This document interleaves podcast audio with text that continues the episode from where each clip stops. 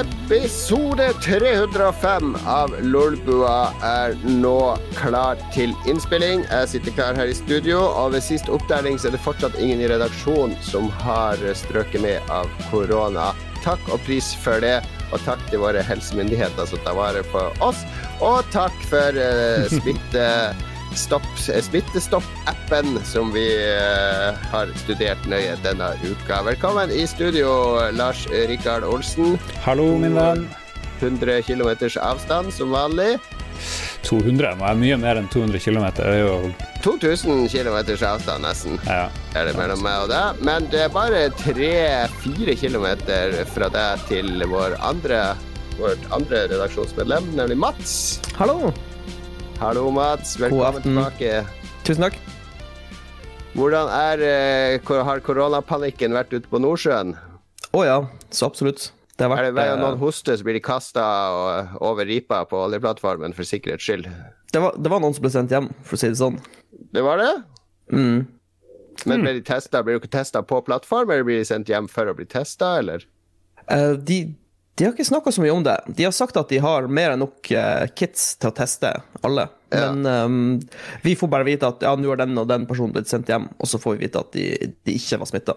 De har ikke snakka så mye om det. Er det du, har, du sett, har du sett de i live igjen, de som ble sendt hjem, eller er de helt forsvunnet? jeg satser på at jeg ser det Hvor er blitt av han? Per? Hvem Per er det du mener, Mats? Det har aldri vært noen her som heter Per.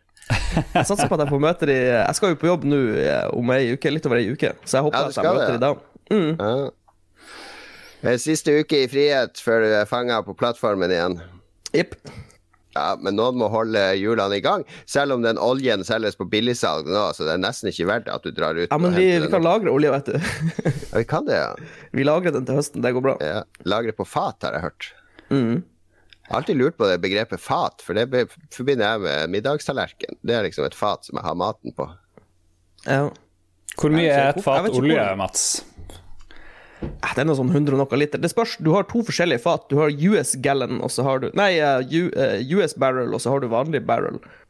Hmm. Så jeg tror en US barrel er Jeg husker ikke i farta. Jeg, jeg, går, jeg går ikke rundt og husker fat. Åssen er koronalivet for deg hjemme? Det er, vel, det er, jo, ikke så mye forskjell fra ditt vanlige hjemmeliv, kanskje? Jo, det, det, jeg merker det faktisk. Jeg begynner å bli ja. litt uh, kokt i hodet. For jeg har, jeg har sånn visse ting jeg, jeg gjør hver uke som liksom gir meg rutinene mine, og de, de er borte nå. Så de siste tre ukene har bare vært sånn surr av uh, TV, spill og chatting med venner over internettet. Ja. Så jeg, jeg, er klar for litt, uh, litt eh, sosial sammenkomst, for å si det sånn. Mm. Men følger mm. dere sånn tometersregler og sånn ute på plattform? Maks fem i rom samtidig? og ja, faktisk. Eh, vi har jo eh, Vi bruker jo å ha ganske mye møter eh, mm. offshore som i alle andre bransjer. Og maks fem på møtene satte jo en torpedo for mye av de, så det er mye ekstra mye videomøter. Og så har de lagt ut sånne klistremerker, eller de har festet sånne klistremerker på bakken. Sånn som de sier Jeg tipper dere har sett det på butikkene eh, enkelte plasser, at de har sånn her Nært kassen så har du sånn eh, Har de satt klistremerker på ja, ja, ja. på gulvet. Ja, de var sinnssykt tidlig ute og gjorde det på, i messa, altså spiseområdet, på oljeplattformen. Mm. Sånne store, sånn røde og hvite klistremerker, sånn at folk skulle liksom ikke stå nært hverandre. Så Brannfakkel, er, er det noe poeng i å fjerne de klistremerkene når korona er over? Er det ikke litt deilig å ha litt avstand? Ja, kanskje. Det, det, det kjipeste på plattformen var at eh, vi får ikke lov til å håndtere maten. Vanligvis når vi skal hente oss mat til lunsj og middag, og sånn, så tar vi en tallerken og et fat, og så bare går du og henter og plukker det du vil ha, liksom. Ja. Du tar bare det, kjøttet, du driter i poteten og grønnsakene. Ja, ikke noe Fyller opp tallerkenen med bacon og kjøtt. og nå så, eh, så, går du fram til disken, og så har du på deg sånne enorme plasthansker, og så står kåken der, og så har han en tallerken, og så må du bare peke og forklare hva du skal ha, men det blir jo aldri rett. Du får det aldri sånn som du vil ha det, liksom. Det er som på Ikea. Sånn er det på Ikea. Litt mer kjøttboller. Vær så snill, litt mer kjøttboller. Nettopp. Eller, der, eller, som et fengsel, var det noen som sa. de der Ikea-kjøttbollene syns jeg er sinnssykt gode. Husker dere? De fant hestekjøtt i de der, og så ble det noe masse bråk og sånn. Men jeg husker jeg alltid likte de der, eh, de der greiene. Jeg, jeg syns òg de er kjempegode. Ja. Ja, ja, Den sausen er òg veldig god. Mm. Hestesaus. Svensk hestesaus. Sies det. Ja, nei, men uh, det, det er uh, Har det prega deg på andre vis? For vi vet jo at du er litt sånn der uh, prepper. Har du f.eks. bestilt mer ammunisjon i tilfelle, i tilfelle og sånne ting? ja. Du har det? Nei, det, det, var faktisk, det var faktisk på tilbud rett før, rett før hele den der pandemien Ammunisjon på tilbud? Mm. XXL bruker å kjøre sånn kampanje. Da bruker jeg alltid ja, ja. å kjøpe ammunisjon. Men mm. det eneste jeg har innsett nå, er at uh, prepping er kanskje ikke den dummeste tingen å liksom holde på med. For man så jo hvis, Når folk begynner å hamstre, og hvor, liksom, hvor sårbar hele den der uh, kjeden vår av ja, Men du kan ikke tørke deg i ræva med 9 mm-kulen din, Mats? Nei, nei, nei. nei, nei, nei. Men jeg, jeg, tenker bare sånn Jeg har jo bare vært sånn tulleprepper, ikke sant? Jeg har jo egentlig ikke vært en skikkelig skikkelig prepper. Nei, men, men har, kanskje... ikke du, har, ikke du, fulgt de der rådene fra myndighetene? For de har jo sånn råd om at du skal ha 20 liter vann, og du skal ha Jo, men jeg tenker, jeg tenker vi, må, vi, må, gå forbi det her. Det, de, de, rådene der er jo sånn basic-greier. Jeg må kjøpe meg en dieselgenerator. Ja. Sånne ting tenker jeg, liksom. Ja, Hvordan skal du få spilt hva, hva, uh, Tarkov uh, uten nettopp, dieselgenerator? Hva, hva, skjer når strømmen går, Jon Cato? Det er jo ikke internett heller. ja, hvis strømmen går, så drar jeg opp på fjellhytta. Der klarer vi oss uten strøm. Der, eh, ja. der Nei, har vi altså, e- egen det, vann og alt, så. Jeg tror nok, jeg tror nok eh, når, når den her eh, pandemien er over, så tror jeg kanskje flere folk innser at uh, prepping kanskje ikke er det teteste i i verden. Jeg vet ikke. Ja. Det er jo ikke dumt å i stedet for å ha masse sånne roser og tull i hagen, så planter du noe gulrøtter og noe som man kan leve av. Ja, ja, ja. Mm. I stedet for å ha rose i hagen, så, så graver du deg en bunkers, trodde jeg du skulle si. hei, hei, en bunkers er ikke det verste du kan ha i hagen. ok. Uh, nei, men det blir godt å Tenk hvis du kommer hjem fra plattformen, så er alt ved det normale igjen, Mats. Tror du det? Håper du det? Jeg håper det. Ja. Skal du være der over 17. mai? Nei, jeg kommer hjem rett før. Ja, fordi 17. mai er vel avlyst i Harstad, er det ikke det, Lars? Ja, det blir vel ikke noe ordentlig. De skulle jo gjøre noe, men jeg tror de bare tar det dag for dag. Nå var det jo en ny dag eh, morges, så kom det at det er en ny en sjette smitta person. Jeg vet ikke hvor personen er blitt smitta. Alle de andre de kom fra Gran Canaria eller var søringer som kom opp som var syke. Men nå kan det hende vi har fått en sånn interne smittesituasjon, så det er jo gøy. Ja ja, forstå da, tenker jeg. Har det Jeg, jeg orker nesten ikke å spørre om hva du har gjort i det siste, Lars, fordi du har overshara en sånn fuckings Snapchat-historie der noen står og borer hull i neglen din og brenner Stikker nål inn i tåneglen din. Det det er torturporno, vil jeg påstå. Nei, jeg overser det jo helt vilt, for på torsdags kveld så klarte jeg å miste et fat oppå en negl. Sånn... Et oljefat? Et oljefat? US barrel. Et fat olje på neglen, det høres vondt ut. Ja, man skulle jo tro at det ofte går bra, og det gjør jo Jeg trodde jo det skulle det, for den datt ned, og så bare faen, det her var vondt. Men så gikk det fem minutter, og det ble faen meg ikke bedre. Det ble bare verre og verre. Så jeg får nå hinka bort i sofaen, og så la jeg meg ned, og så så jeg at det begynte å bli blått, veldig blått, under den der jævla stortåneglen. Ja. Og det som skjer da, fikk jeg forklart etterpå, er at alt det blodet det har ikke noe sted å fære. Vanligvis så når du slår deg, så, så får du en hevelse. Men siden du har en negl, så er det ikke noe hevelse. Det bare ligger og presser og blir bare jævlig hardt. Og det var så vondt som jeg aldri omtrent har hatt det før. Så, men så var det jo bare en tå, så jeg drev jo og flirte og hylte og skreik for meg sjøl der eh, om en arn. Jeg visste ikke helt hva jeg skulle gjøre, så jeg drev nå og begynte å dele det her på Snapchat. og så kommer en kompis, en legekompis, eh, han Kien, eh, doktor Kien, sier du må stikke hull på den her tåa. Eh, du må bore hull gjennom neglen for å slippe ut blod, ordne trøkk, for ellers får du ikke sove, og det kommer til å gjøre vondt. Ba ikke om en second opinion? Nei, jeg gjorde ikke det. Jeg stoler, stole på han. Men jeg tenkte faen, jeg har nummer én, jeg har ikke noe lighter, jeg har ingenting å lage varme med, for du må jo rødgløde en binders eller en Ja, nål har du ikke eller noe et eller noe sånt? Nei, jeg har absolutt ingenting, så, så jeg gidder ikke lete heller. Så jeg sa til han Kien, du må komme hit. Så det tok Jeg måtte overtale han ganske mye. Jeg måtte ringe og sutre og hyle. Så han ba ja, ja, faen heller, få komme deg. Også. Ja, det er jo noe drit, da. Det er jo akkurat som når han sitter og sliter med å skrive konfirmasjonstalen sin. Og så det, ja, Lars er flink til å skrive. Ja, Lars, du må komme hit, du må komme hit og hjelpe meg med talen. Det er hans yrke. Jeg syns jo ikke at, at leger skulle bli plaga av venner på den måten, da. Ja, det tenker du helt til du står i samme situasjon. For jeg har jo heller ikke tenkt å ringe og plage folk som er her, men det her var grade A emergency de luxe. Ja, det gjorde var så jævlig vondt. Det du sier. Ja, så enten måtte jeg forre på legevakta sjøl, og drit og helvete, ikke sant, og det, Ja, ja. Og, men, men han kom nå, og så var det nå å få rødgløda en ting. Men sant, han trodde jo ikke på meg at jeg ikke hadde noe lighter og greier, så han hadde ikke med seg noe sjøl. Men til slutt så fant han en sånn gammel, sånn her rar tenner. Den var ikke sånn ordentlig lighter, men den lager en liten gnist mellom to felt, som liksom er lett å tenne på lys med. Så han brukte nå den, og det tok jævlig lang tid, og den ble ikke ordentlig varm, den der nåla han hadde med seg. Så, det, så han satt jo stakk og stakk og stakk. Klarte til slutt å få ett hull. Jeg drev og hylte og skrek, delte alt på Snapchat hele tida. Veldig flaut i etterkant, jeg vet ikke hvorfor jeg gjorde det. Men det folk som lo litt godt. Og så fant vi ut vi må stikke et nytt hull i den her tåa der, for det kom ut litt blod, men liksom det, var, det var mer blod på sida og greier, så vi måtte lage et nytt hull. Så jeg har to hull i, i tå, og for å få det varmt, så fant han ut at han skulle bruke de her tennbrikettene mine til å fyre opp i peisen. Så han la det i et fat opp på Hvordan er det du fyre opp i peisen når du ikke har lighter? Eller? Jeg, har jeg tenner ikke på peisen, jeg har fyringsforbud. Av urelaterte grunner. så, plut så, så plutselig så står det et svært bål på bordet mitt, for han tok to sånne tennbriketter oppi et eh, lokk, eh, sånn grytelokk. Ja. For det, det er jo designa til å tåle litt varme. Så da sto det plutselig et bål midt på stuebordet mens han driver og prøver å varme opp den der nåla, og så fikk han hull, og alt ble mye bedre. Og jeg har aldri vært så glad omtrent i et menneske som etter han fiksa det der. For det var, det var bare så relief. Nå vet jeg hvordan det er å føde, for å si det sånn. Det må være nøyaktig, nøyaktig sånn.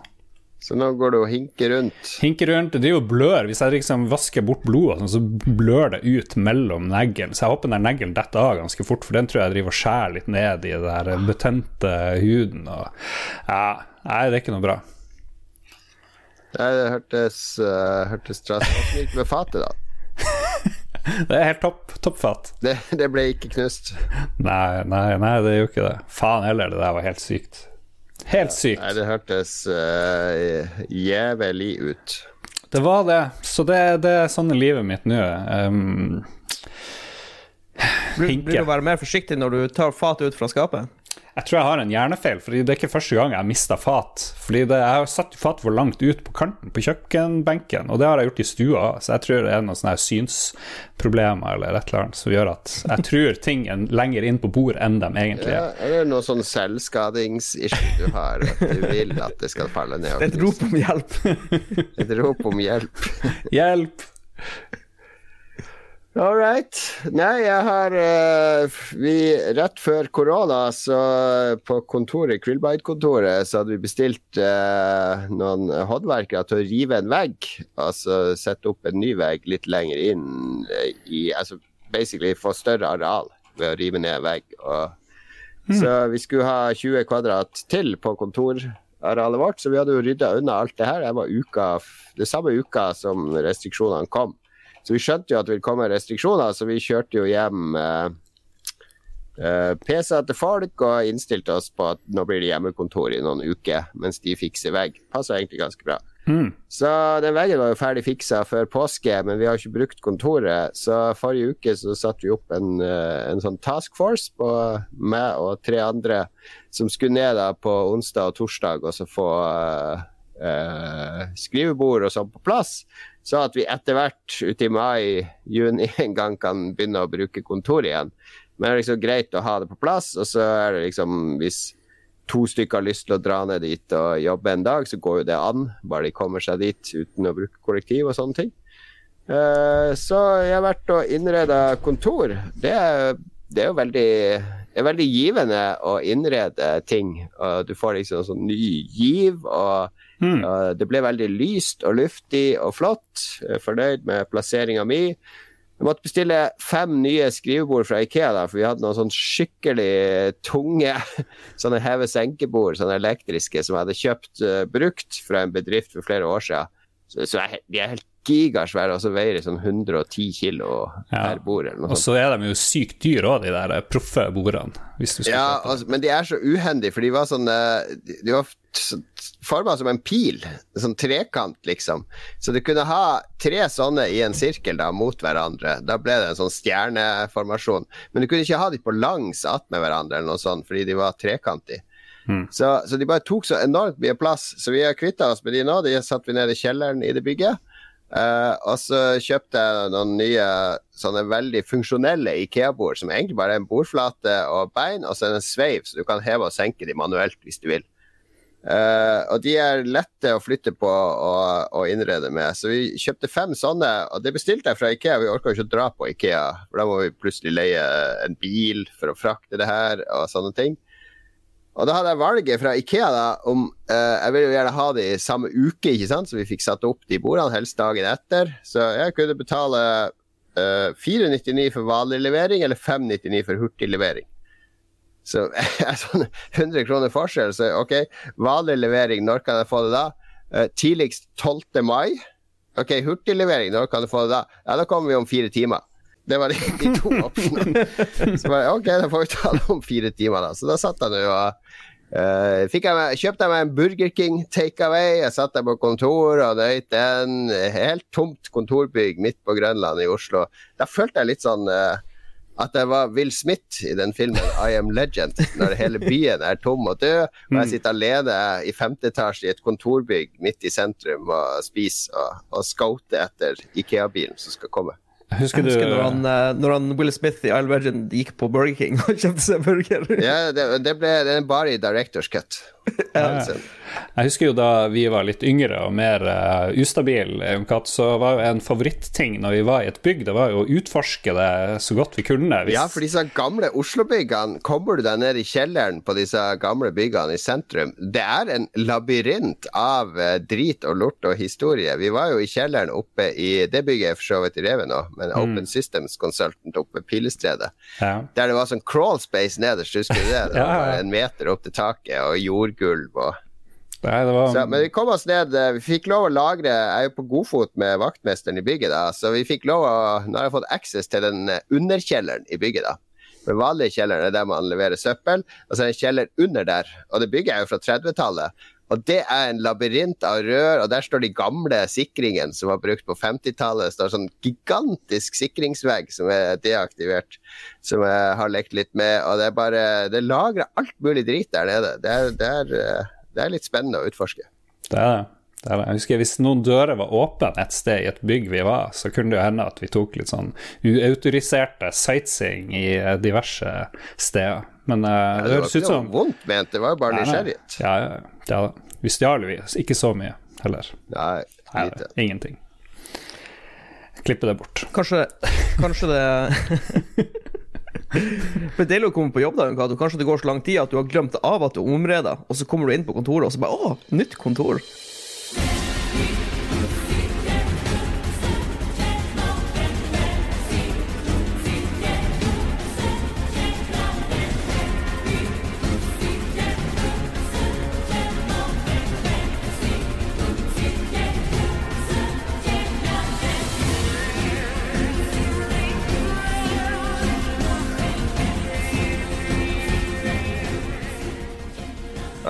Hva er neste i sendeskjemaet?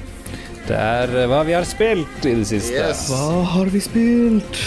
Jeg skal ikke tvære det ut, for jeg vet det er noen som har spilt mer spennende ting, men jeg har akkurat hevet meg på Outer Worlds, fordi Outer Worlds eller Wilds? Ja, jeg måtte jo bli litt forvirra, men det er det Outer Worlds, det her Obsidian Fallout-aktige. Outer Worlds. The Ja, Outer jeg har hørt litt om det der eh, dramaet med det navnet der, fordi når de, hadde, når de bestemte seg for Outer Worlds, så fant de ut at det var et sånn lite indiespill som heter Outer Wilds. Og så bare, ja, det er bare et lite indiespill, det har ikke så mye å si. Men det lille indiespillet ble jo egentlig ganske stort. Det, det er et helt genialt spill. Så det ble litt drama der. Men nå har jo hun ene skribenten i Outer Wilds har vel fått jobb eh, for de som lager Outer Worlds. Så Herregud. det er komplett kaos. Det er akkurat som den der gamle, den gamle komiserien på NRK, den er Soap. Eller Forviklinger, som den heter på norsk. Der Harald Mæhle hadde sånn fortellerstemme med Og så gikk Lars bort til Mats! Og, ok, nå ble det avsporing, men hva har du spilt i det siste? Jeg likte avsporinga. Nei, det er nå der The Outer Worlds, da, ikke Wilds. Og det er Obsidian som har lagd det. Det er, ligner veldig på Fallout-universet. Du begynner Du kommer ikke ut av et hvelv som du gjør i Fallout, men du krasjlander i en pod. Du har vært i stasis i x antall år eh, sammen med masse kolonister. Du har bare blitt flygende ute i rommet, og så deiser du ned på en planet. Og det virker som om alle som er på denne planeten, er fanga i sånne corporations de tilhører. Og, og, og er liksom slaver av det her. Da. Så det, det lille jeg har hørt, det er vel at det, det er en del politikk eh, i det hele, og mye humor. Jeg liker stemmeskuespillet veldig godt. Jeg har nettopp brutt meg inn i det der skipet som, som tilhører en kar jeg kjenner. Og, og skipet truer med å blåse meg ut av airlockene hvis ikke jeg forsvinner. Men det står jo på bakken, så det er liksom ikke så farlig å bli blåst ut av airlockene osv. Ja. Men eh, det virker veldig morsomt. Men jeg, jeg vil, ville ha noe etter å ha fullført Control. Enda et nytt sånn singleplayer-eventyrspill. Så jeg har maksa speech, eh, karismagreier og, og dexterity, tror jeg. Så jeg skal være en sånn skyte pratmaker Jesus. Korona. Prat, eh, prat Korona. som uh, skuddglad fyr. Går Ja. og skravler og skyter folk. Ja, det, bruker, det er jo sånn tradisjon i Fallout-spillene at når du har høy nok speed, så låser du opp sånn dialogalternativer, så du vanligvis ikke har. Har du møtt noen sånne? Ja, eller det har vært noen sånne persuasion og sånne sjekker, men det har vært ganske lette sjekker, så jeg tror det bare er tutorial-aktig tilstand nå. Men det er utrolig mye, det er utrolig mye inventory-greier, da, så det, det er jeg litt irritert på allerede, at jeg må drive og sta- stable det inventory. Det, Ja, ja. det er sinnssykt mye items i de spillene. Men det er jo sånn, i alle de spillene så er det sånn Du må velge hva du skal gå glipp av. Skal du gå glipp av å ikke låse opp sånne ting fordi du ikke har, prioriterer lockpicking? Eller skal du gå glipp av speech options? Eller skal du gå glipp av å få hacka deg inn på alle datamaskinene fordi du ikke velger computer science? Mm, ja. uh, du må alltid velge offeret et eller annet. Det er litt sånn forutsigbart. Ja, det er det. Og så er det jo i starten er det en svær sånn character generation-sekvens, som jo for meg tar to timer, fordi jeg klarer aldri å bestemme meg for hva jeg skal gjøre. Så hvis jeg kommer forbi den bøygen der, så, så er jeg good to go. Men noen ganger så bare strander jeg på det der og deler ut poeng i ulike skills og hvordan jeg skal se ut og sånn der. Kan, kan du spille med veldig lav intelligence, sånn at du nesten ikke kan snakke? Ja, du kan sette Det er jo en sånn Fallout-greie. ja, du kan Bare få huleboer i verdensrommet. ja, Jeg kunne velge mye melé og lav intelligens, f.eks. Det kunne vært gøy. Velger du ofte det du føler representerer deg sjøl? Sånn i, på, Ja. i virkeligheten? Jeg vet ikke om dexterity er Nei, representerer men Lars. Lars, jeg tenker Lars har bedre, mer dexterity enn strength. Hva tror du, Mats? Jo da, jeg er enig. Ja, Ja, Eller er det var en slags fornærmelse. ja, ja, ja jeg snakker jo om en Roffelbua-episode der vi skal lage character sheets til hverandre. da Så må vi vurdere hva de skal få i de ulike stats. Intelligence Det blir mye, mye, kan bli mye sårt her. Det høres ut som en, en veldig brutal episode. Jeg gleder meg. Ja, nei, så Ja, jeg har ikke noe mer å si om Outer Worlds, egentlig, Enda. du, jeg falt aldri for det spillet. Jeg falt av det ganske fort. Fordi det, føles, det føles litt som et sånn ti år gammelt uh, first person-rollespill. Føles veldig utdatert på mange områder. Og så Jeg syns ikke den estetikken i verden tiltaler meg, for det ser ut som en sånn mishmash av stiler. Den har ikke en sånn helhetlig Det er liksom Her er byen. 50 meter i den retninga så er det skurker. Eh, 20 meter sør her så er det noen gale roboter. Eh, 100 meter nord så er det en sånn der base med utbrytere. Det er ikke noe størrelse på den verden. Det, er det Mm. Et eller annet som ikke som gjør at jeg ikke tror på det spillet når jeg spiller det. Jeg er enig i at det ser litt weird ut. Det er mye No Man's Sky der jeg er nå, i hvert fall. Så jeg vet ikke hva- hvordan, det, hvordan det blir. Og så alle stilen, alle logoer og sånt ligner veldig på Fallout uh, innimellom. Litt sånn glad Ja. 50-talls-look, eller hva det er.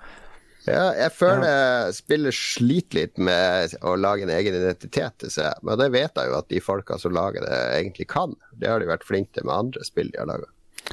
Jeg gir ikke opp, jeg skal komme med rapport. Forlatt Æsj. Jeg har også spilt noe gammelt uh, ræl. Jeg har uh, Det jeg har funnet ut i uh, isolasjon og når man sitter hjemme og jeg, jeg, går jo Jeg sykler jo, jeg går en del tur med ungene, men det er litt sånn rar følelse når man går tur, for man skal liksom holde avstand til folk, og så har du hele tida i bakhodet at nå er vi ute og går. Eh, ute i smittesonene osv. Så, videre.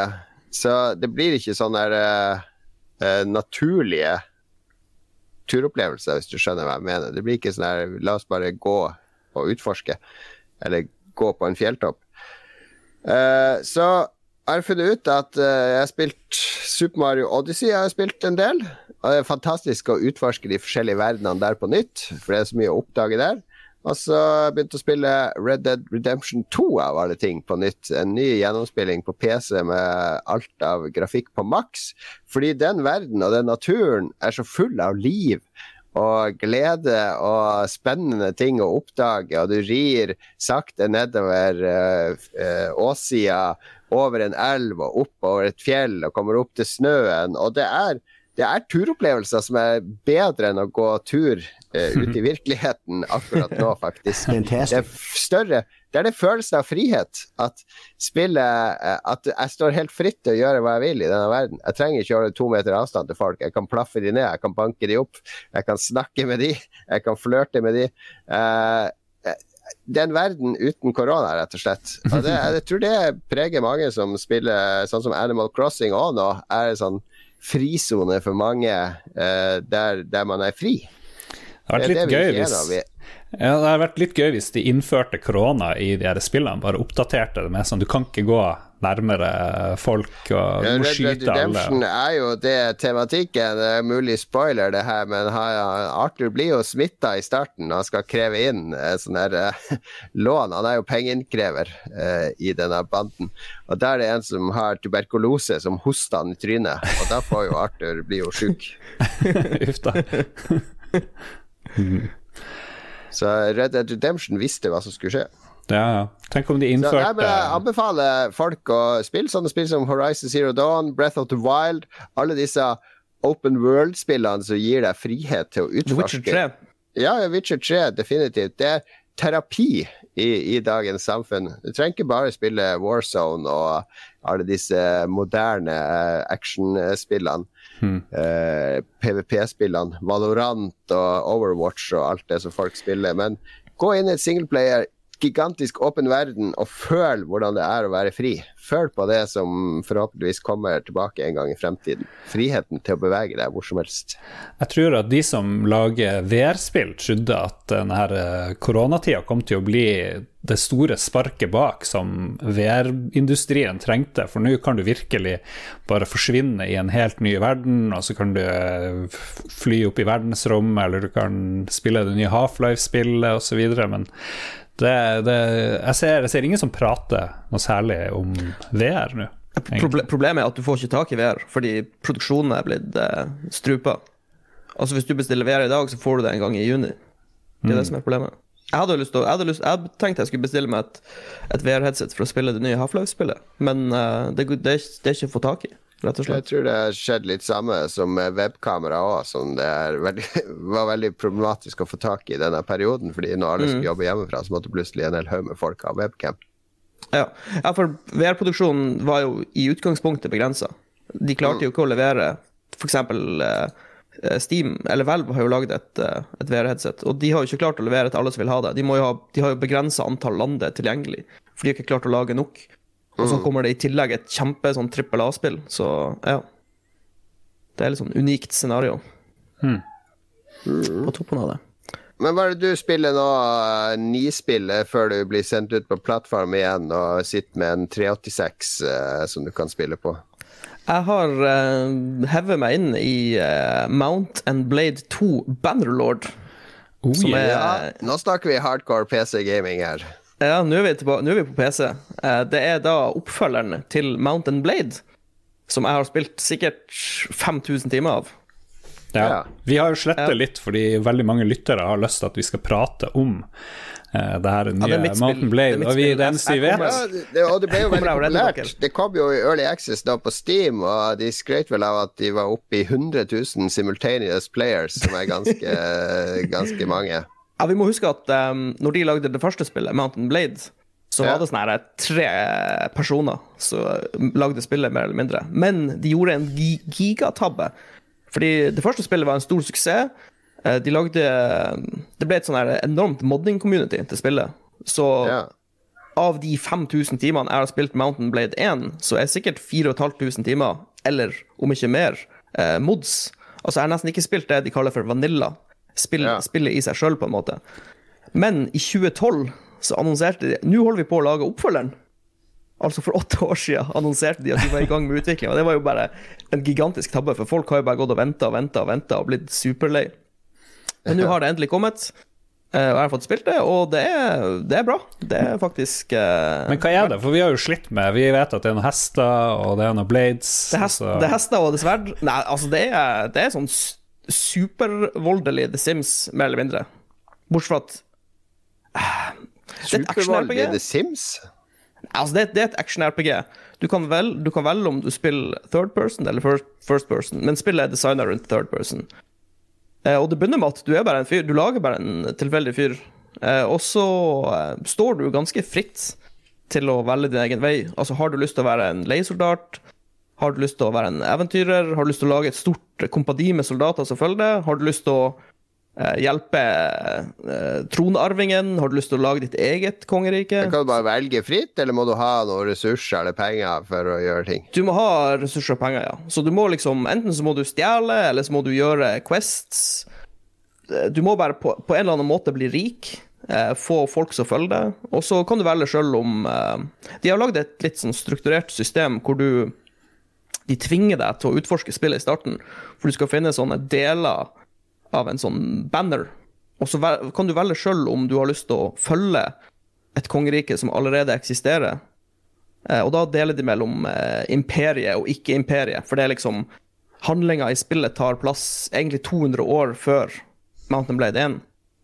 Eh, så du velger sjøl hvor mye du har lyst til å styre med sjøl. For hvis du lager La oss si at du har lyst til å si ja, jeg jeg er bare en vanlig fyr, men jeg har lyst til å ta et slott, og så lager jeg et kongerike som heter Matsland. Da kan du gjøre Ja. det. Men det er veldig mye management da. Eh, Så det er lettere hvis du bare har lyst til å fokusere på kriging og bare ha en sånn stort kompani med soldater, så kan du bare slenge støtten din til en konge som allerede eksisterer, og så hjelper du bare er den kongen en annen spiller, eller er det singleplayer? Nei, dette er, dette er singleplayer-delen av Ja, spillet. ja. det ja. det fins multiplayer, men i singleplayer-delen av spillet så er det Det er da du har det enorme kartet du drar rundt på. For du har Ja. Til de som ikke har spilt Mountain Blade, så er det spillet delt i to deler. Du har verdenskartet, hvor du reiser rundt, som er nesten som en sånn slags turn-based, fordi hver gang du trykker på kartet, så begynner du å bevege deg dit, og da passerer det tid, og da skjer det ting andre plasser på kartet. Da reiser andre soldater rundt, det, det er slag som pågår, altså tidsenheter passerer hvert sekund. Eh, og hvis du har lyst til å krige, så går du bort til en annen unit, og så La oss si det er en karavane som du har lyst til å rane, eller hvis du er i krig med noen, så trykker du på en by eller et party med andre soldater, og så eh, initierer du kamp. Og da er det du går inn i den her third person-modusen, hvor du Ja. styrer mannen din. Og Og så har du også vi- ja. Og hvis du blir drept i kamp, er det per permadeath, eller hva er konsekvensene for å vinne og tape her? Eh, Du kan spille med permadeath, eh, men den standardmodusen er at hvis du detter i kamp, så er du liksom bevisstløs, og så fortsetter soldatene dine å slåss Ja. for deg. Eh, Og da kan de redde deg etterpå. Eller hvis du, eh, hvis du taper kampen og alle soldatene dine er dead, så blir du tatt til fange. Ja. Enkelt og greit. Men du har um, De har bygd videre på det de introduserer i første spill. For i første spillet så kunne du kommandere soldatene dine i kamp. Du kunne prøve å sette opp linje med buemenn bak, og så ha kavaleri på sida. Men det de har introdusert nå, er en sånn enorm funksjon hvor du sier til soldatene dine nå må dere klare dere sjøl. Og da har hver enhet har på en måte en sersjant. Så la oss si du har, du har litt infanteri, du har litt kavaleri, du har kanskje litt uh, uh, horse archers. Jeg vet ikke hva det norske ordet for hestebuemenn. Eh, Eller, ja. Men hver enhet uh, har i hvert fall en sersjant, og da kan de styre seg sjøl. For det er ganske stress å flyge rundt på en hest og prøver å ikke bli skutt i ansiktet mens du stikker ned fiendesoldater, og samtidig styre 100, 200, 300 mann, liksom. Ja. Og Det høres jo mer ut som Total War-spillene, de slagene. eh, Jo, men du, du kan aldri få den her Du får aldri den her eh, oversikten du har i Total War, for du er nede på bakken, du er en fyr, ikke sant? Ja. Så det er jo megastress hvis det er snakk om 200 mot 200, og så skal du styre flankene og senter, og det går jo ikke. Så jeg blitt, eh, jeg er en stor fan av den her uavhengighetsfunksjonen. Du kan, jeg trykker bare på den med en gang av kampen, og AI-en er såpass smart at la oss si La oss si eh, det er kamp mellom meg og fienden, og så er det elv i midten. Og så på min side av kartet så er det en liten høyde. Da kommer mine buemenn til å stille seg i høyden og stå og vente på at fienden skal prøve å krysse elva. Altså det er, de har lagt mye tanke inn i den funksjonen, så det er utrolig imponerende, egentlig. Hm. Hva de, hva de har fått til. Så jeg forstår jo nå at de har Han er jo sånn perfeksjonist, han ene fyren, så de har jo holdt på i evighet med det her, men jeg ser ja, men det er fortsatt med. det er early access, det her. Det er Early Access, ja. Så Ja. Uh, jeg tror de har lyst til å introdusere mer uh, story-elementer i singleplayer. For akkurat nå Ja. så har du en sånn hovedquest du gjør da, som basically er at du, du skal Er målet ditt å klare den questen, da, eller eh, må du lage ditt eget personlige mål? F.eks. at riket ditt skal bli størst, eller at du skal ha den største hæren, eller Quest er i korte trekk at du skal, du skal forene landene, på en måte. Ja. Altså, du skal, du skal ta over. Så, eh, Er du så- våken, Lars, eller har du bare, har du bare satt sånn nikkevideo på repeat hvis du er og, spiller Out of Worlds? Ah, yes, gone into lockdown. Performing nodding. det, det, hø det høres kanskje superkomplisert ut, men det er altså I, i bunn og grunn så er det Altså, det er Hva er det som fenger deg med det her, i forhold til f.eks. Total War eller andre spill der du skal styre armeer er eller ut mer, og det, er et slåss? mye mer, det er et mye mer personlig nivå enn i Total War, fordi du, du styrer han fyren din. Det er jo et, det er jo et RPG, så du, går, du har jo Men kan du som enslig soldat eller hærfører som er ute og slåss sjøl, utgjøre en forskjell når du slåss mot 300 mann? Ja, det er det som er litt morsomt. Du kan faktisk gjøre det. Ja. Eh, Fordi um, La oss si eh, det var en kamp hvor det var Jeg hadde kanskje 50 soldater, og fienden hadde 200 soldater. Og så hadde fienden en ganske stor enhet med kavaleri. Eh, Og så hadde de masse fotsoldater som var skikkelig dårlige. Det var sånn rekrutter, de tåler nesten ingenting. Men kavaleriet deres var ganske bra. Så da gjorde jeg at jeg, jeg ba folkene mine bare stå i ro eh, på en litt sånn høyde, og så rei jeg alene på hesten min inn på flanken deres, og så lurte jeg kavaleriet til å følge etter meg, og så ba jeg mine karer gå inn. Ja. Da slakta jo bare mine karer de her dårlige fotsoldatene deres, mens jeg for og lekte med kavaleriet og lurte dem rundt. Men du følte du da at du lurte en dårlig AI, eller at det var en realistisk taktikk som Alexander den store kunne ha gjort? Jeg vet ikke. Eh, Jeg lurte sikkert, jeg lurte sikkert AI-en eh, litt, da. Men eh, uansett om du lurer AI-en, så føler du deg jo Ja, for det er litt sånn PC-gaming, at alt er lov. Altså, så du Mm. skal vinne over spillet.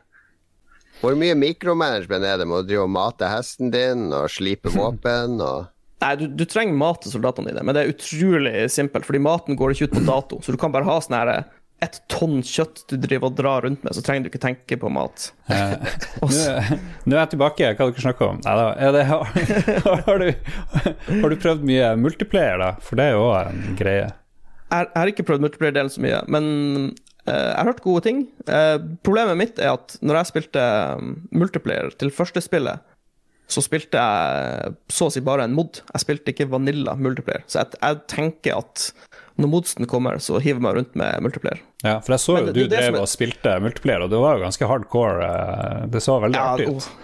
det er utrolig morsomt. Men det er det som er litt kult nå, at nå har jeg bare spilt liksom det vanlige spillet, på en måte. Og bare det er mer enn godt nok, vil jeg si. Så det, det er jo en god start for spillet, da. Det er jo, det er jo når modsen begynner å sparke i gang, at dette blir spennende.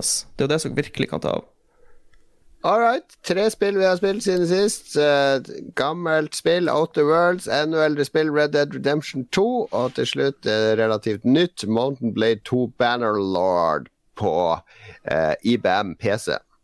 Den funker best med Celeron-prosessorer, har jeg hørt. Intel Inside.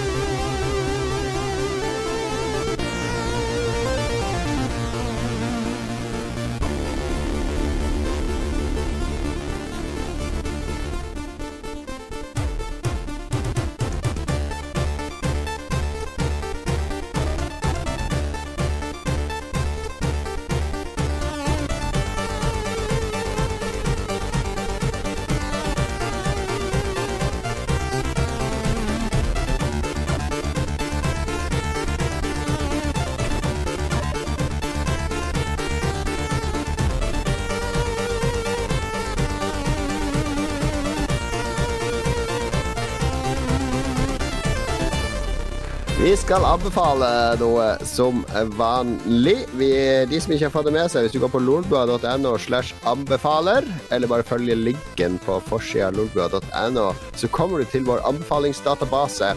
Og der kan du filtrere ut uh, Har du lyst til å se en ny film? Filtrere ut film. Syns du Lars har best smak i Lolbua? Filtrer ut film, og kun Lars, så får du alle filmanbefalingene til Lars. De, de ser du på eget ansvar, bare så det er sagt. Det kan være Det er ikke alt der som er eh, som, som scorer høyt på IMDb, Lars. Nei, men det er mine anbefalinger, så det Ja, det er jo det. Så hvis folk er på bølgelengde med det, eh, stakkars folk, så, så er det Nei da. Hmm. The Circle anbefalte du sist, eh, Lars. Det har du fått litt feedback på.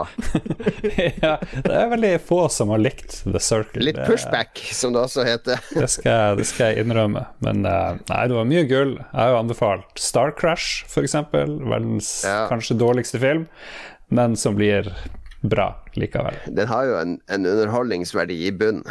Absolutt. Men uh, The Circle var det sist uke. Hva er det denne uka, Lars? Paradise Hotel Norge? Det er jo ingen som har kunnet tenke seg hvor viktig sånne videochat-program skulle bli som nå. Og nå har jeg jo prøvd veldig, veldig mange. Det er folk som inviterer til møter i FaceTime, Google Meet er det noe som heter, som virker ganske greit, men da må du ha en sånn her proff Google-konto. Ja, det er jo arvtakeren til Hangout som vi brukte da Lolbua starta. Mm, ja.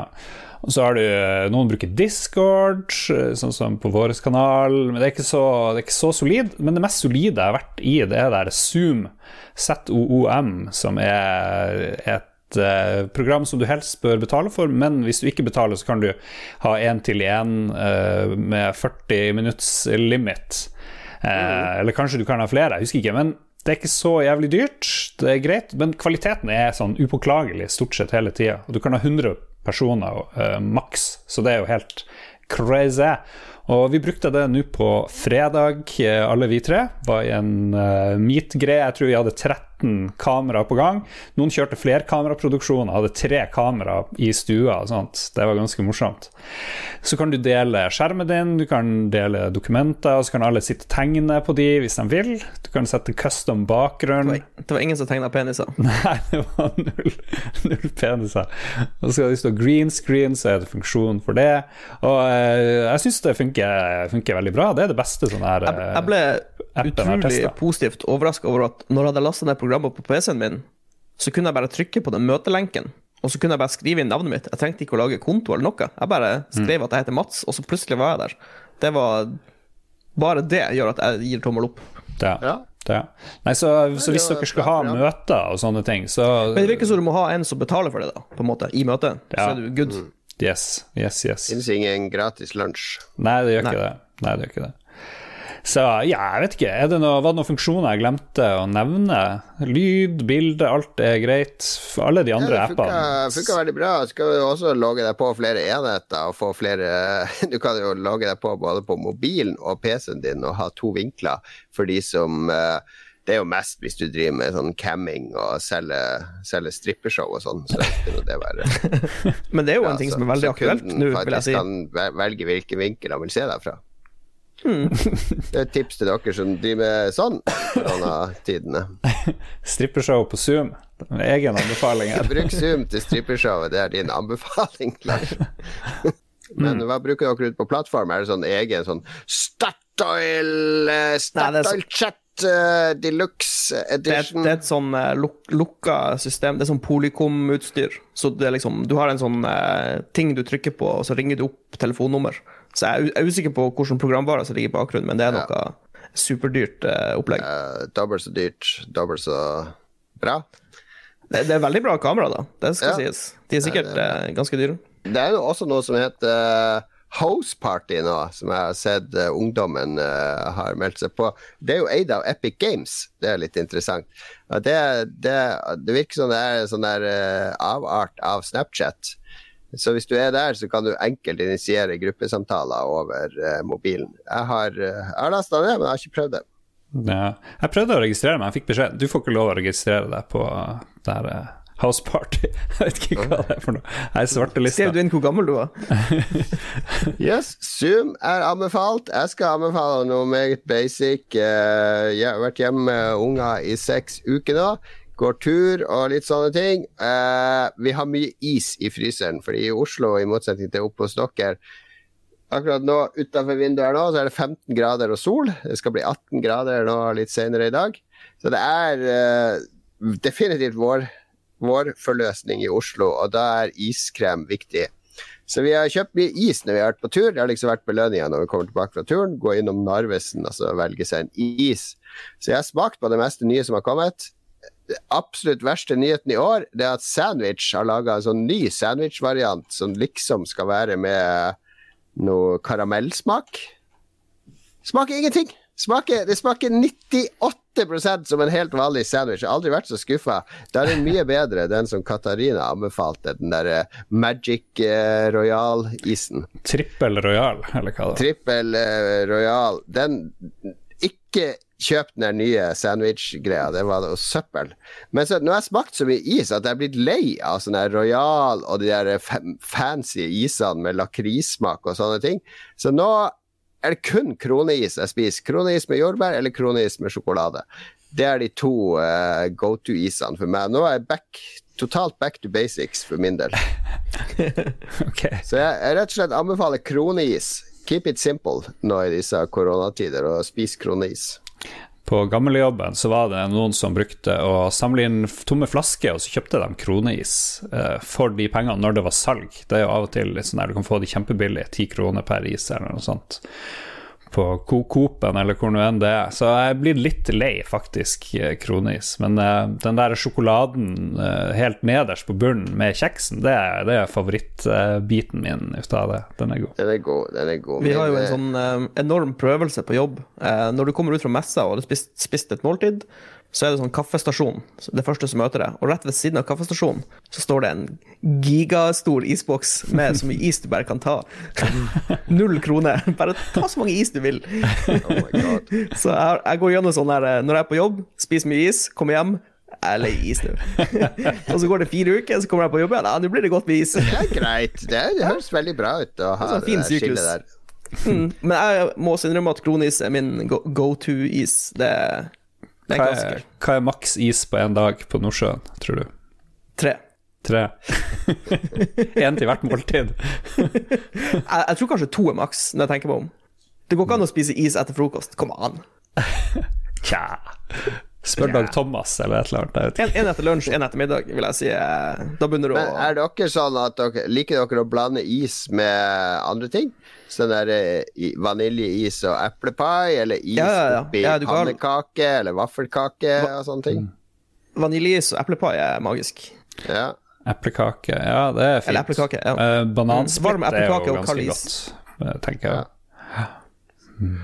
Ok, Mats, du har sett TV, har jeg skjønt? Eller TV-serie? Ja, nå kommer det atter en, eh, en dokumentar-slash-fotballgreie fra Mats. Jeg vet Ja, ikke ja, hvorfor jeg anbefaler så mange fotballting. Jeg ser ikke så Du, fotball. du ser jo ikke på fotball. Hvilket Nei, lag er det du heier på i England, Jeg egentlig? har, jeg har ikke noe Premier League-lag. Det er helt sjukt. Jeg vet ikke hvorfor jeg anbefaler så mange fotballting, Og I Norge så er det Heal du heier på. Harstad idrettslag. selvfølgelig.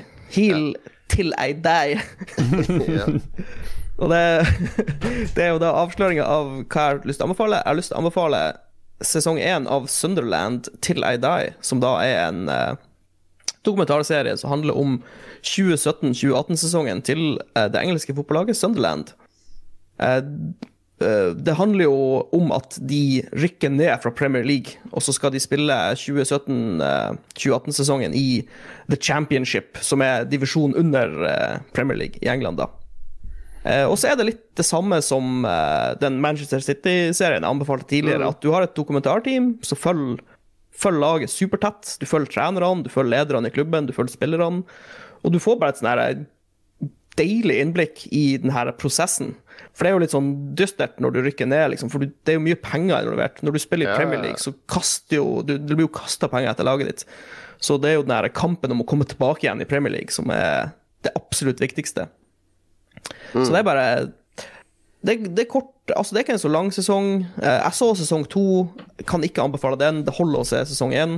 Nei, Men det er virker som i sesong to så har de tatt eierskap over budskapet, på en måte. I Ja, sesong én så er det litt sånn usminka at folk er sånn der Å, sjefen er en idiot, og Ja, det- det er så deilig- det er så vi deilig ufiltrert. I sesong to så er liksom alle på lag. Ja. ja, det er veldig happy times i sesong to. Ja, men eh, det er noe drit.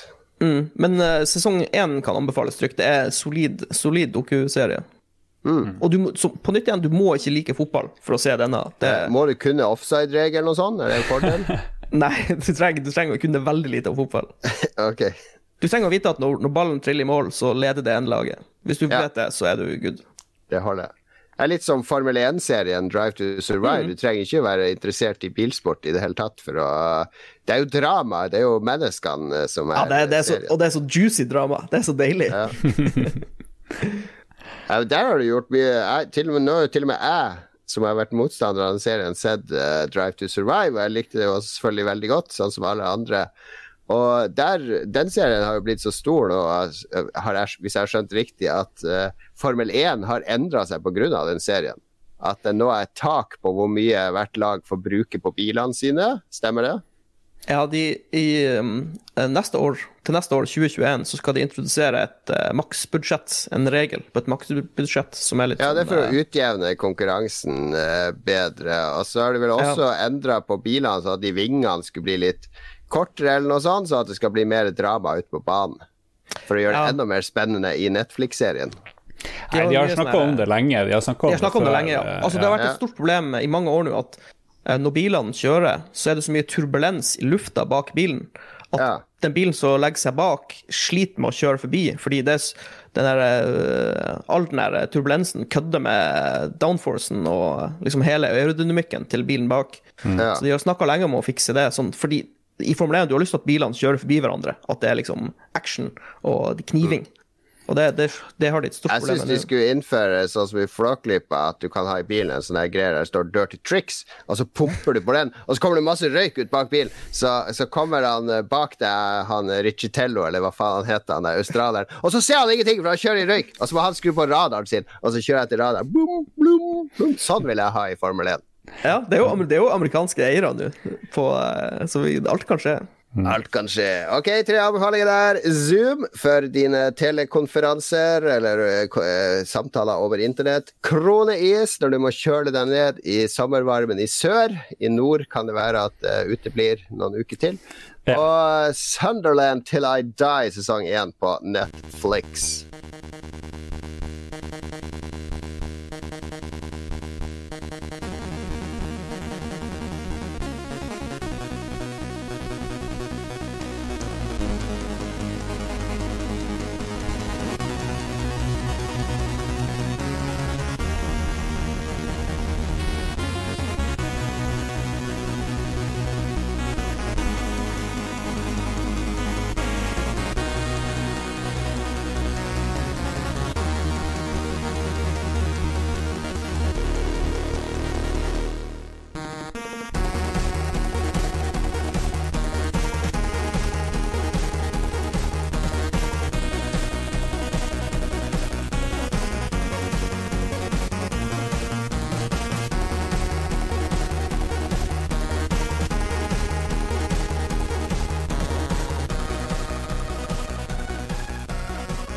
Da er det faktisk, ser det ut som uh, lytterne våre har lite annet å gjøre enn å høre på podkast i koronatida. Jeg har hørt fra flere faktisk at de hører mindre podkast nå under korona. Har dere hørt det samme?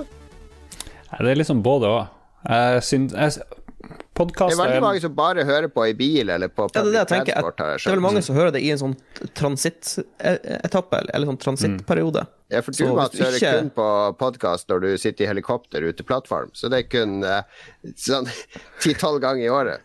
Nei, jeg har jo, jeg har jo den der transportetappen min fra Harstad til Stavanger. Det er ja, er podkast-etappen min. Men Så- hører du på noe hjemme eh, når du spiller og sånn? Så, så Lars Hvis, er jo notorisk. hvis, hvis jeg spiller på. et spill som ikke krever all verden av sånn superfokusert eh, Altså hvor lyden er ikke så viktig. For eksempel hvis jeg spiller Warzone eller noe yeah. sånn PubG, så kan jeg jo ikke høre masse folk som driver og snakker på øret mitt. Da må jeg jo høre fotskrittene til fienden. Men eksempel Bannerlord, der går an å høre på podkast mens du spiller. Det går Du, apropos Warzone, Mats, der har vi snakka mye om de fotskrittene. Ja, Der falt jeg ut ved her om dagen da jeg spilte solo, så brukte jeg den der uh, finlandshetta. Og når du aktiverer den, det, da er all fotsporlyd er jo borte i 20 sekunder. Ja, du blir jo helt stille. jeg bare løp gjennom Jeg visste at en kar var i bygg, og så tok jeg på den, så bare løp jeg gjennom bygget. Og jeg så han oppe i en korridor, jeg bare løp helt inntil han og skøyt han. Ja, det er nok Dead Silence som har vært eh, Som er fasitsvaret på det. Ja, du har raga litt når, når det ikke Oh, har yes. vært noe lyd. Hvor er fotskrittene?! Ja, nei, men eh, det Det må være sånne spill som er litt dangerous og sånne ting for min Mm. der du har lange strekk eh, der du ikke trenger å Alle må begynne å spille Elite Dangerous, sånn at dere kan høre mer på podkast. Men Lars han kan høre på podkast selv om han Ja, spiller ja. Warzone. Ja, ja, kanskje ikke Warzone. Kanskje ikke når jeg må spille med noen andre. Da er det ikke. Men jeg satt og hørte på ting da jeg spilte Outer Lars sitter og hysjer på kompisene og sier 'hysj, jeg hører på podkast', hysj! Jeg prøvde å høre på ditt DJ-sett og spille Outer Worlds i går. Det var litt utfordrende, faktisk. Ja, det tror jeg på. Ok, men lytterne, noen av de hører fortsatt på podkast, og de kommer fortsatt med innspill. Og først ut har vi jo hun Ida eh, fra Red Crew. Eh, du har spurt nemlig, Lars, hva, hva var hooken denne uka? Vi har kjørt eh, enkel løsning denne uka. Hva er det folk har sett og likt av film og TV-serier nå i isolasjonstida? Og det kom kjempemasse respons, så jeg kunne ikke ta med alle, men vi tok et lite utvalg. Og Ida der, hun er jo en stor Next Generation, Star Trek Next Generation-fan, så hun satt det øverst. Og jeg så de to siste episodene eh, i går, faktisk, ut av det sesong syv, for jeg tenkte jeg måtte se gjennom hele TNG før jeg gikk på Picard, så nå skal jeg begynne på det. Og oh, stakkars. det var litt trist å gjøre meg ferdig med sesong syv av Star Trek, for det er jo, det er jo kanskje min favoritt-TV-serie. Skal du se Picard, jeg altså? Jeg hoppa av etter tre episoder. Jeg syns det ble det, det, Nesten det ødela TNG for meg. Oi, oi, oi. Så, så, så, like, så, så dårlig Mm. likte jeg det. Ja, nå ble jeg litt nervøs, men uh... Har du sett Picard, eh, Mats? Jeg har bare sett den første episoden. Ja. Men, jeg så, jeg så, men jeg, du ser liksom skrifta på veggen. Ja, altså Det er noe trist med å se Picard som en sånn eh, gammel mann som går rundt og raller. Altså, det er ikke den er autor, Det er ikke den autoritativ Jeg klarer ikke å snakke. ja, han har ikke Det er ikke den autoritetsfiguren, den farsfiguren, som Picard eh, alltid var for meg på Og for en, for en vigør han har i Ja, og TNG. nå, nå er han bare en litt sånn der eh, ja, Det er noe Han er jo, han er jo, det, han er jo, han er supergammel, liksom. Jeg, Ja. vi, burde, vi burde være flinkere å verne litt om de her gamle skuespillerne. Og ikke slippe de løs på alt mulig. Nei. Ok, ja vel. Nei, Lykke, lykke til. Jeg gleder meg til rapporter, Lars. Mm, ja, nå ble jeg jo enormt skeptisk. for jeg tenkte jo på da jeg så den siste episoden, for det handler jo om han Picard. Han er hovedpersonen i en sånn halvannen time spesialepisode. Han er jo, han er, det er som du sier, Mats, han har vigør. Han er kjempekraftfull og alt det der, der og kjempeskuespiller. Så hvis det er litt sånn skyggen av seg sjøl nå i Picard, så blir jeg jo Ja. Vi får se. Dommen vil komme neste uke, får vi håpe. Min gode venn Roger Grafstrøningen var jo i 50-årsdagen hans i fjor. Fikk eh, noe av det beste grillmaten jeg noen gang har fått, og han har også ganske god smak når det gjelder serier og film. Han anbefaler Alt Altered Carbon Jeg klarer ikke å snakke i dag. Altered Carbon, ja, det går bra, det. Ja, ja, ja. sesong to på Netflix, steinbra. Disse er jo basert på eh, bøkene. Jeg husker ikke hva forfatteren het, eh, Lars, men både jeg og du har jo lest de sci-fi-bøkene. Ja da, litt sånn lett, lettbeint, eh, koselig sci-fi med mors morsom eh, premiss. At du kan skli fra ett skin til et annet. Du kan ja, skifte kropp. downloade deg inn i andre folk. ja du har en sånn Ja. stekk du bare flytter fra, mm. Jeg likte sesong én ganske bra. Uh, den, er, den er litt sånn der eh, ne, Når jeg leste bøker, så hadde jeg litt mer sånn der skitten sci-fi-fundament. Den er veldig sånn der glorete, Mm. føler jeg, på, i, i serieform. Ja, jo da. Nei, det, det, den prøver å være litt skjetten, men det er veldig glorete. Jeg så første episoden av Altered Carbon sesong 1, men jeg kom meg ikke Jeg videre. så, men, jeg, jeg så hele sesong én. Jeg likte det utrolig godt. Ja, er, De klarer å bevare. Det er veldig mye gode ideer både i bøkene og i serien, så, så det, jeg skal definitivt komme med Det virker, det virker som én ting faktisk er bedre i TV-serien enn boka. Mm. Og det i, i TV-serien så er det der eh, AI-hotellet er han Edgar Allan Poe. Mens Ja. i boka så er det han Jimmy Hendrix. Men jeg syns Edgar Allan Poe-greia fungerer utrolig bra, så jeg kan ikke se for meg at det er noe bedre i boka. Nei. Nei. Men det er sikkert litt mer skuespilleren som spiller han Poe og litt sånn. Det fungerer i hvert fall dødsbra i TV-serien.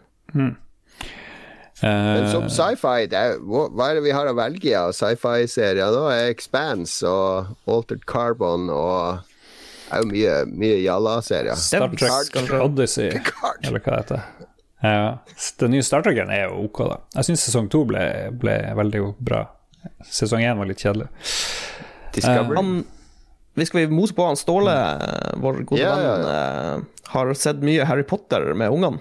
Fantastisk oppdaget de filmene igjen eh, på nytt igjen med ungene sine. Jeg vet ikke, Hvor mye Harry Potter har dere sett i det siste? Nei. Har dere sett alle Harry Potter-filmene? Ja, jeg har sett de med ungene før. Vi har sett Ringenes herre, og vi har sett uh, Hva mer? Vi har sett Star Wars, har vi sett alt. Og nå ser vi på Ghibli-filmer, det det går i hjemme hos meg, fordi der ligger nesten alt på Netflix. Det er veldig gøy å se. Mm. Du må se Top Gun med ungene, eh, Jon Cato. Nei, jeg har ikke sett Top Gun sjøl ennå, så jeg gidder ikke. Ja, det er nettopp derfor.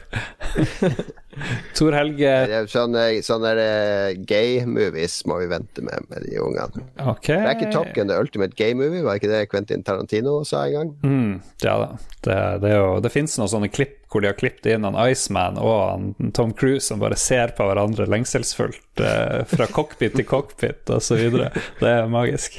Spiller ja, men det er jo volleyball. noen som mener Ringenes herre òg har dette med Sam og Frodo og de, disse Er det sånn at vi menn ikke skal kunne ha varme følelser for hverandre uten at det blir homofilt, liksom? Jeg syns det er nesten provoserende. Tja, det er jo du som drar det opp, sånn sett. Du vil ikke vise ungene dine homo-topcun, liksom. Det, du, er jo, du er jo problemet her. Ja, det, det var jo en spøk, Lars. Det skjønte jo du òg. Jeg, spør, jeg spør fordi akkurat da vi skulle begynne med denne uh, innspillinga her, så satt jeg og så en film som heter Pixote. Har du hørt om den? En brasiliansk film fra 1981 om eh, et sånn juvenile-fengsel i Brasil. Veldig realistisk film.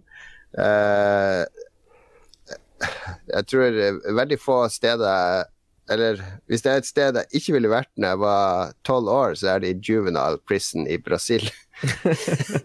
det, det er ganske drøye, drøye greier. Men det er en del av Martin Scorsese sitt uh, World uh, Cinema Project, hvor han bruker en del penger på å redde filmer fra fattige land.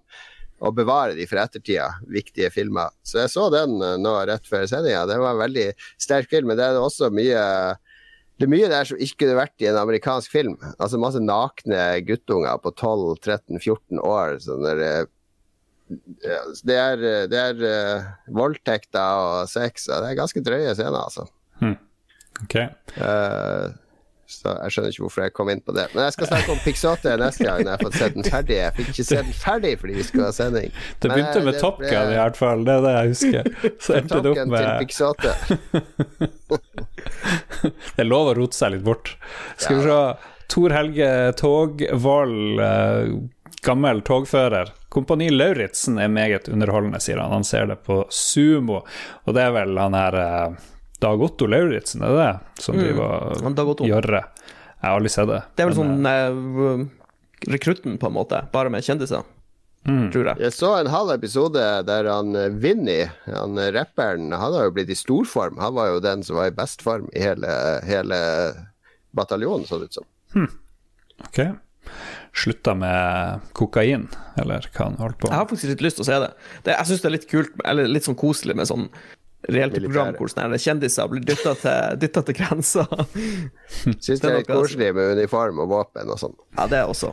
Det er La oss ikke glemme appellen der. Det er kjendiser som blir pusha grenser på, er jo morsomt. Ja. Eh, Hans GM har brukt eh, masse tid på å se gjennom Alt of the Office. Ellers har han lyst til å anbefale Bosch. Ja, ny sesong ute nå med Ja, ny sesong. Bosch. Sesong seks, tror jeg. Yes. Jeg har faktisk ploga gjennom eh, alle sesonger av Vårs siste par månedene. Utrolig, utrolig morsom eller kul TV-serie. HBO. Spesielt for oss som har vært i Los Angeles, fordi det er så mange Man kjenner seg så igjen. I, De reiser jo på kryss og tvers i hele byen der. Ja, men det, bare, Jeg liker liksom detaljnivået på bare sånne her politirutiner og sånne ting de gjør på stasjonen og sånn. Det virker, det virker autentisk. Jeg liker det. Altså, av- Avslutta med Tiger King, hans GM, som er et Ja, must. Tiger King også. Ja. Burde vært pensum. Ja.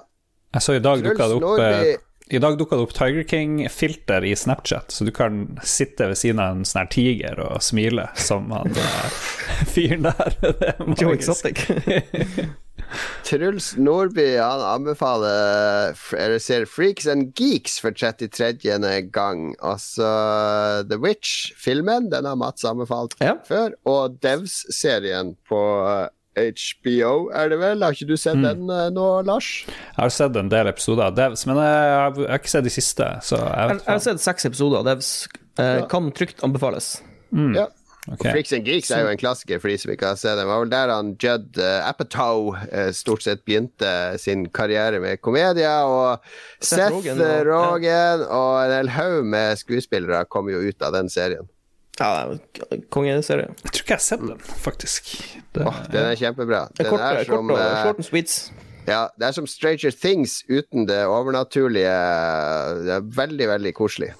Eh, Øystein Reinertsen eh, han slår fast at Devs er råbra. Ellers har han kjørt gjennom en god del klassiske Jackie Chan-filmer, som Armor of God, Meals on Wheels og Project A, blant annet. Og jeg husker jo de her gode, gamle Jackie Chan-filmene. Jeg spurte hvor han så dem, men han sier det er DVD og Blu-ray og sånt, så det er, litt, det er litt vanskelig å finne tak i de her Jackie-greiene. Jeg, jeg prøvde å se det med ungene. Jeg så Police Story med ungene. eh, Og det er, er litt mye dødtid, fordi den der Hongkong det er mye humor, eller forsøk på humor, i noen av de Jackie Chan-filmene. Sånn er kaos når han skal ta fire telefoner på en gang, som ikke er så gøy. Det er litt sånn Mr. Bean, eh, bare, bare kjedelig. Eh, altså det, er, eh, det, er, ikke alt som funker i Jackie Chan-filmer lenger, men actionscenene de er fortsatt bra. Ja, det er jo, de gjorde det jo helt uten hensyn for liv og helse, stort sett. Så du sitter jo med hjertet i halsen når han driver og skal hoppe fra sånne balkonger ti meter over, over bakken og hoppe på busser og sånn. Og så er det veldig artig å se de der bloopers på slutten, hvor han driver og slår seg i trynet og knekker en fot og sånn der. Det er topp. Jeg synes uh, nå, fordi det er jo snakk om at det skal være sånn Jackass-reunion nå. Mm. En, en ny Jackass-film. At de skulle få med Jackie Chan og bare kalle det for Jackie-ass. Altså, det er sånn utvida versjon av, av Jackass. For Jackie Chan han ler jo bare av de her dårlige stuntene de gjør. ja. Jeg har bange anelser for eh, Jackass 4-filmen, for det, noen blir jo døde der, altså. Det kan jo Da blir det en snøfilm. Det er jo, det er jo kjempespennende. Han eh, Martin Pettersen har sett eh, Monster på Amazon her om dagen. En film Oi. om en kvinnelig prostituert som ender opp som seriemorder. En ganske fæl film, egentlig, men fantastisk bra skuespill fra Ch Charlize Theron. Og så har han sett Evil Plans, som er en true crime-serie på Netflix. Og så er han snart ferdig med The Witcher, som er bedre enn han trodde. Ja. Monster Evil så jeg for det er den der man er pizzabudet som får sånn bombe Var ikke det? Evil Genius, eller noe sånt? Ja, det, Ja, jeg tror vi har snakket om den Kids. tidligere. Mm. Hvis, hvis det er samme. Evil Plans, kanskje noe annet? Jeg er litt usikker. Jeg tør ikke uttale meg om det. Eh, Monster, handler ikke det om uh, sånne der monster som kommer i drømmene til barn? Sånn animasjonsfilm? Er det Nei, ja, nå tenker du på Monsters Inc. Ah, Monster Inc., ja. Ok. Nei, men se Monster. Og så syns Du jeg ser jo Cato lengre podkasten var, jo mer desperat blir forsøkene på humor. ja, men det er morsomt. Du må uttale det neste navnet. Det er òg forsøk på humor. Stian Haunikke Bjørøen Han er snart ferdig med Broen. Skjønner ikke hvorfor vi ikke har sett den før. Vi fikk et lite nordisk, nordisk krimkick her i huset. Fikk også endelig sett sesong tre av Castlevania. Faen så bra den sesongen var. Slutten er jo bare balls to the walls insane. Hmm. Ja, jeg jeg ikke har sett eh, Nei, jeg har sett sesong én og to, men ikke sesong tre. Så er det ikke tegneserieskaper Gart Eddis som lagde mye Vertigo-serier, som står bak manuset, tror jeg, på den? Det tror jeg. jeg og tweetet Utrolig kul uh, greie. Den er, eh, jeg liker at, den er, at det er kort, at det ikke er så mange episoder. Ja. Du kan bare spise det opp. Det er litt morsomt i den TV-serien Kalifat, som jeg anbefalte, den svenske uh, is islamist-IS-serien, uh, der den svenske IS-krigeren og og kona hans nede i, nede i Raqqa de driver jo og laster ned ulovlige filmer og TV-serier som de ser på kveldstid i senga på laptopen hans. Og da hun vil se Broen og sånn, så bare Kan vi ikke se noe type gangster eller komedi eller noe sånt? Måste vi se Broen i kveld også?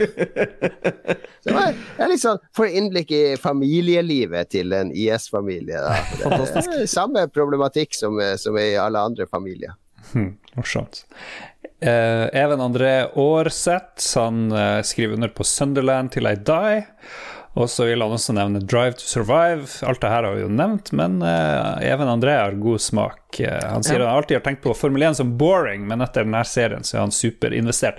Det som er problemet med Drive to Survive, det er jo at hvis folk ser den serien, og så skal se noen ordentlige løp, ja. så kommer de til å dø av kjedsomhet. Fordi... Den gjør, den gjør løpene litt for spennende. Det skal jeg være enig i. For det, ofte er det en ren prosesjon av biler. Det jeg misliker mest med Drive to Survive, er jo at de eh, eh såkalte kommentatorene som sier sånn Oh no, there's a chance for Verstappen! Når han ligger på sjuendeplass. Jeg vet jo at de sa jo ikke det i TV-sendinga. Det her er jo bare spilt inn i ettertid. Det er ja. falske kommentarer. Ja, det er fake news. Det er megafake. Det er, megafake. Ja. det er ikke bra. Det er ikke bra. Det høres ut som de følger virkelig med på disse kampene underveis, mens det er jo bare i ettertid. Så ja, okay, hvordan gikk det i dette løpet? Ja, vi kan lage noe drama av det som skjedde der. Ja, ja. Men det er jo perfekt, da. Det er jo det jo, det Men det er litt for bra, liksom. Det er litt ja. for bra lagd, på en måte. Jeg fikk kona mi til å begynne å se på Måten jeg gjorde det på, var at jeg viste henne at uh, han uh, Red Bull-sjefen var gift med hun uh, Gary, Gary Halliwell. Og Spice Girls. ja, ble hun interessert. Så det begynte hun å se. han Raymond Eikås Caspersen vil anbefale Homeland. Man kan fint begynne på sesong fire hvis man har sett litt fra før og ikke var helt overbevist. Sesong fire er en slags soft reboot og har vært helt konge til nå. Jeg tror jeg har sett Jeg har sett en del Homeland. Jeg, hvor mange sesonger er det av Homeland? Jeg, jeg har sett sesong én til tre. Det er jævlig mange. Ja. Det er, heftig ja. opplegg. Blir litt lei av hun der eh, dama som skal Claire bryte Danes. sammen hele tida og ikke gidde å ta medisinen sin og sånn der. Men, eh. og sånn der grumpy sjefen med skjegget. ja. Det kom en uh, bonusanbefaling her på slutten fra Inger Emilie Solheim. Har blitt hekta på en serie YouTube-intervjuer med tunge rusmisbrukere på Skid Row. Soft White Underbelly heter kanalen.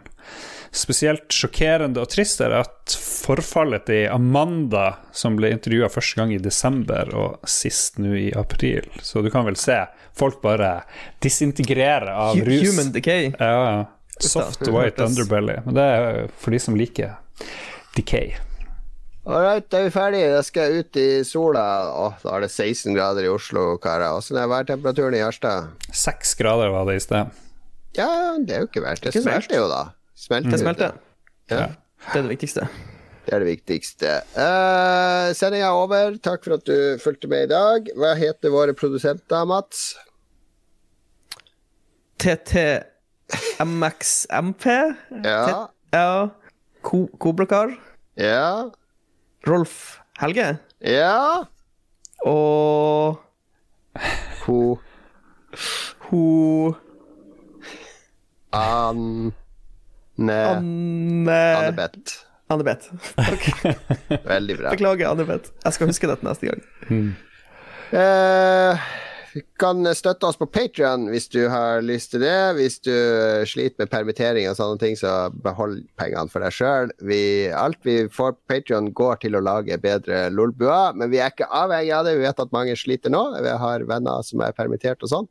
Så ta vare på deg og dine først og fremst. Og så syns du at vi gjør hverdagen din litt bedre, og du har lyst til å støtte oss til å lage enda bedre ting, så, så gjerne gi oss en slant. Mm. Og hvis du hører det her på Radcrew-feeden, så er det her siste episoden ever i Radcrew-feeden, så da må du bytte om ja, ja, ja. til Og da har du kanskje også hørt uh, våre fantastiske jingles som vi har laga, Lars. Ja, jo, vi har laga noen jingles uh, til Ja, vi hadde to planleggingsdager for å planlegge jingles. Uh, kjørte litt AB-test for forskjellige brukergrupper, og så lada vi på to jingles som vi da lagde. Ja. Jo, den ble veldig bra. Akkurat, akkurat, sånn var prosessen. Skal vi avsløre hvordan prosessen egentlig var, Lars? Ja, ja, ja. Kjør på. Ja, vi hadde glemt at vi skulle lage jingles til Jostein, og så hadde jeg ti minutter før jeg måtte ut og gjøre noe. Så jeg og Lars heiv oss inn i Discord og så bare hva skal vi lage? Og så bare snakka vi i ti minutter, og så klippa Lars det til Vi improviserte ganske hardt i ti minutter. Ja, Nei, men det var bra. Og så må dere få med dere Jon Cato sine blogginnlegg på lolbua.no. Der dukker det opp uh, gjerne flere ting hver dag. Kjempebra. hver dag. Jeg begynte på en sånn bloggserie, da, kan jeg nevne, for jeg går gjennom mine gamle bransjeblad manual fra 2002. Og det er ganske, det er ganske annen verden da, for det var jo før konsollene var online. Det er det året etter konsollene gikk online. Det er før digital distribusjon. Eh, mange problemstillinger vi ikke har i dag. Så det er et artig ja, 18 år tilbake i tid, men det føles som det er 100 år tilbake i tid. Og så må dere høre på Spillrevyen, som kommer hver mandag, vår andre podkast. Yes. Og så videre og så videre. Det var det. Takk for oss. Hold dere innendørs. Ta vare på hverandre. Ha det. Ha det bra. Bre.